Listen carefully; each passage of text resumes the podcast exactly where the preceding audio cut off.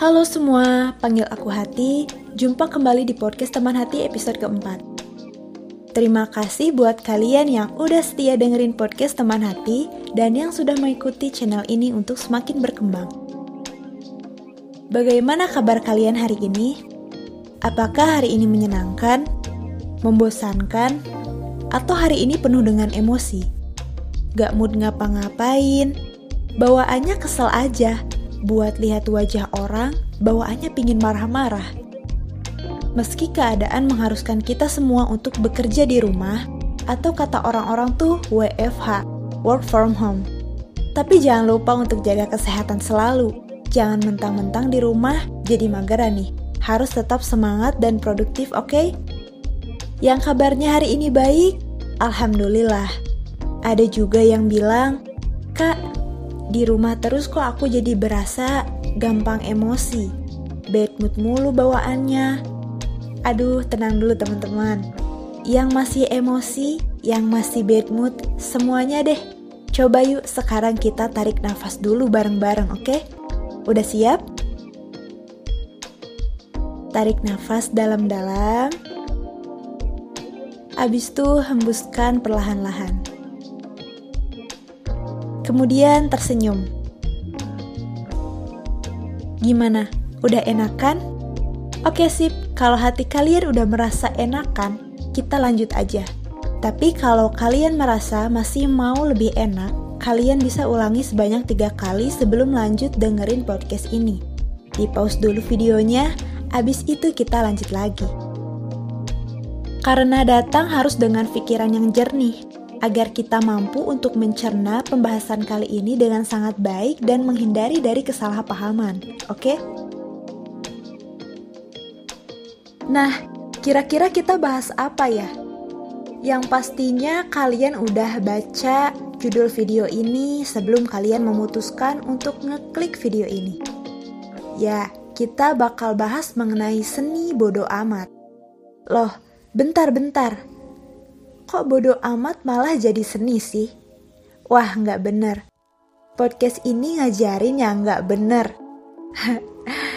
Daripada bingung-bingung, lebih baik dengerin podcast ini sampai akhir. Oke? Tapi sebelumnya, semoga kalian dalam keadaan yang sehat selalu ya, dijauhkan dari segala mara bahaya, dan selalu dilindungi oleh Sang Maha Pencipta. Semoga podcast ini memberi kalian banyak manfaat dan inspirasi. Selamat mendengarkan.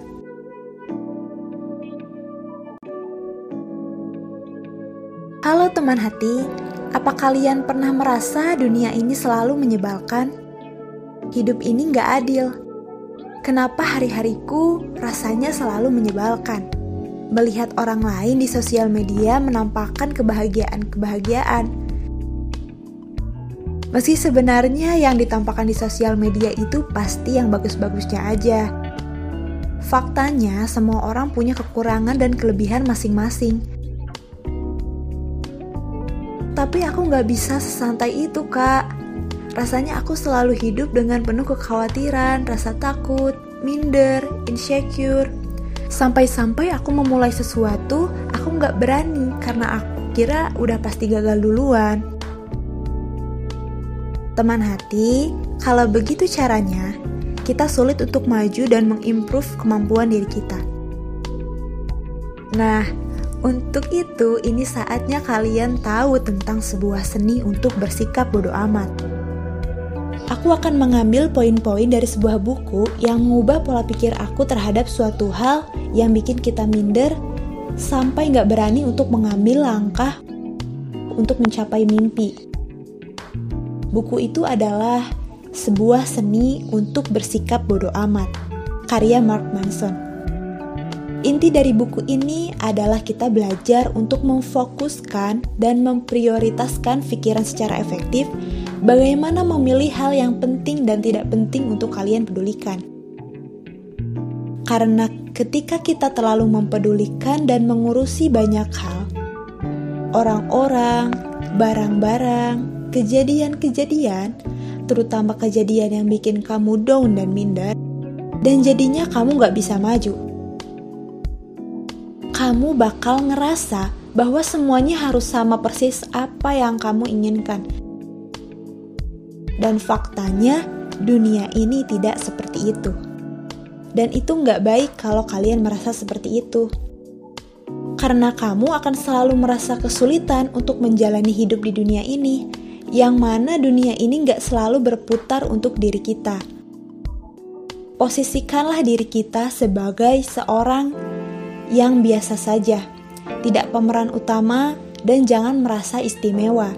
Maksudnya bukan untuk semakin mematahkan semangat hidup kalian dan malah membuat kalian semakin down. Bukan ya teman-teman, justru sebaliknya. Jadi begini, ketika kamu merasa bahwa kamu istimewa, ketika kamu merasa bahwa kamu adalah pemeran utamanya, dan ketika kamu merasa kamu berhak untuk selalu bahagia, dan semuanya harus sesuai dengan keinginan dan harapan kamu Akibatnya, kamu bakal selalu melihat kesulitan sebagai sesuatu ketidakadilan. Setiap tantangan menjadi sebuah kegagalan. Setiap ketidaknyamanan menjadi permasalahan pribadi. Adanya perbedaan pendapat menjadi sebuah pengkhianatan. Fokus kamu akan kepada reaksi orang-orang terhadap kamu ketika kamu melihat reaksi yang tidak diharapkan dari seseorang. Misalnya kamu malah dapat caci maki dan bulian, kamu akan kecewa dan marah. Fokus hidupmu akan kepada hal-hal negatif di luar sana. Kamu jadi kehilangan kesempatan untuk kamu peduli pada hal-hal yang buat hidupmu semakin maju. Simpelnya, kalian tahu orang gibah kan?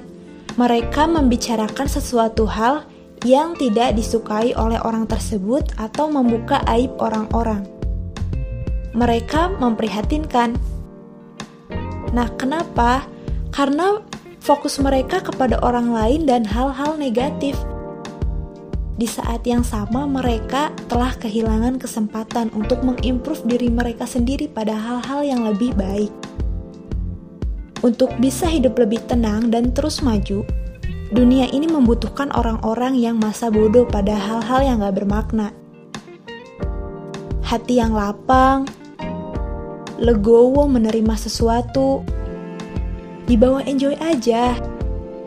Seperti menerima caci maki dari seseorang, dibawa santai aja. Toh, hidupmu dikendalikan oleh dirimu sendiri. Kamu yang menjadi pengemudi kamu yang memutuskan akan dibawa ke mana hidupmu. Kamu bisa memilih mengemudi untuk mendatangi suatu klub malam dengan alkohol-alkohol. Di sisi lain, kamu memiliki kesempatan untuk mengemudi mendatangi perpustakaan atau sebuah tempat ibadah. Kamu bisa memilih apa kamu ingin marah ketika mendapatkan kembalian receh dari warung, atau kamu memilih mengabaikannya aja, dan harimu tetap terjaga dengan baik. Kamu bisa memilih untuk terus khawatir pada sesuatu atau menanggapinya dengan tenang. Karena marah, khawatir, dan hal-hal negatif lainnya hanya akan membuang-buang waktumu saja dan kehilangan kesempatan untuk meningkatkan kualitas hidupmu. Untuk itu, masa bodoh di sini adalah masa bodoh pada hal-hal negatif atau hal-hal yang tidak akan bermakna pada hidupmu dan lebih fokus terhadap hal-hal yang bermakna dalam hidupmu. Sekali lagi, kalian sendiri yang menjadi pengemudi. Nah, saatnya aku membacakan poin-poin penting dari buku karya Mark Manson ini tentang sebuah seni untuk bersikap bodoh amat. Poin yang pertama adalah masa bodoh bukan berarti acuh tak acuh. Masa bodoh adalah merasa nyaman ketika menjadi berbeda.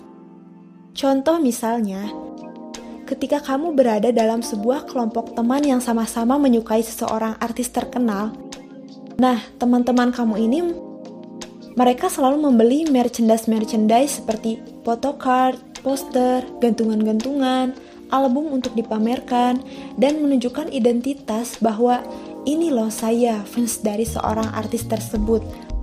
Dan kamu nggak punya. Misalnya kamu nggak punya uang untuk membeli hal-hal itu. Dan sebenarnya kamu juga nggak apa-apa dan baik-baik aja tanpa punya barang-barang itu.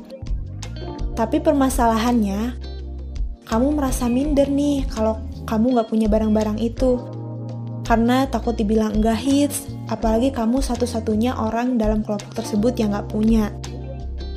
Mungkin kalau fokusmu ingin dilihat oleh orang-orang sebagai seorang yang hits, kamu bakal maksa-maksain buat ngutang atau gimana caranya biar punya barang itu. Nah, tapi poin yang pertama ini, kamu bukan acuh tak acuh.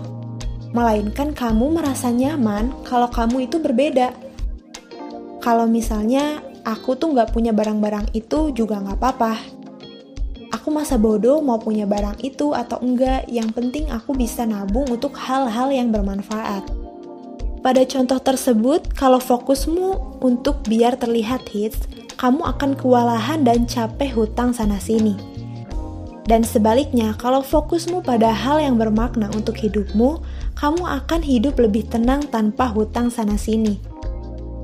Kemudian, poin yang kedua adalah untuk bisa mengatakan bodoh amat pada kesulitan. Pertama-tama, kamu harus peduli terhadap sesuatu yang jauh lebih penting dari kesulitan itu sendiri. Nah, seperti contoh tadi ya, kamu punya hal yang harus dipedulikan, yaitu menabung untuk masa depan ketimbang membeli barang-barang untuk terlihat hits. Mungkin ada juga nih orang-orang karena mereka nggak punya sesuatu hal untuk mereka pedulikan, artinya semakin sedikit masalah mereka atau tidak ada masalah, kita cenderung nih mencari masalah. Maka timbullah kita memedulikan sesuatu hal yang sepele. Karena tidak ada di hidupnya yang jauh lebih penting untuk dipedulikan, seperti kembalian uang receh tadi. Kamu jadi marah. Nah, contoh lain remote TV hilang marah-marah. Kehabisan diskon marah-marah mungkin mereka tidak punya sesuatu hal yang lebih penting untuk mereka beri perhatian. Nah, jadi menemukan sesuatu hal yang penting dan bermakna dalam kehidupan mungkin adalah cara yang paling produktif untuk memanfaatkan waktu dan tenaga kalian. Karena jika kalian tidak menemukan sesuatu yang penuh arti, perhatian kalian akan tercurah pada sesuatu hal yang tidak bermakna dan sia-sia. Next poin yang ketiga yaitu entah kalian sadar atau enggak, kalian selalu memilih sesuatu hal untuk kalian perhatikan. Kita dilahirkan dengan kepedulian. Contoh saat kita kecil, semua terasa baru bagi kita. Kita selalu merasa penasaran pada suatu hal. Sehingga segala sesuatunya selalu kita perhatikan dan kita pedulikan. Pernah kalian lihat anak kecil yang menangis hanya karena bajunya tidak sesuai dengan warna yang mereka inginkan? Mereka pengen hari ini pakai baju warna pink, tapi orang tuanya memakaikan baju kepada mereka warna biru. Kemudian mereka nangis gitu ya. Pada saat kita kecil, semuanya tampak begitu berarti. Nah, oleh karena itu banyak hal yang dipedulikan. Berbeda saat kita mulai beranjak dewasa, hal-hal yang dipedulikan saat kecil tidak begitu berarti lagi dan sudah berbeda suatu hal yang menjadi fokus kita. Begitupun setelah kita tua, semua hal yang dulu sering kita perhatikan dan permasalahkan kini menjadi tidak begitu berarti dan lebih bebas. Karena tidak peduli lagi untuk hal-hal yang banyak. Dalam hidup ini tidak ada yang dilahirkan dengan masa bodoh, karena kita semua dilahirkan dengan kepedulian. Mungkin ada yang tidak bisa merasakan emosi apa-apa untuk apa pun. Yap, dia adalah psikopat. Kita tidak meniru seorang psikopat. Karena sisi biologis kita selalu memedulikan sesuatu dan akan terus memedulikan sesuatu. Yang menjadi pertanyaan adalah hal apa yang kita pedulikan? Hal apa yang ingin kita pilih untuk kita pedulikan? dan bagaimana caranya untuk merasa bodoh amat untuk hal yang sekiranya tidak akan bermakna untuk hidup kita. Apa kamu mau peduli dengan uang kembalian receh itu? Padahal kita bisa bersikap bodoh amat dan lebih memedulikan hal-hal yang bermakna pada hidup kita. Masa bodoh pada hal-hal yang tidak bermanfaat pada hidup kita. Kita masa bodoh pada cacian orang.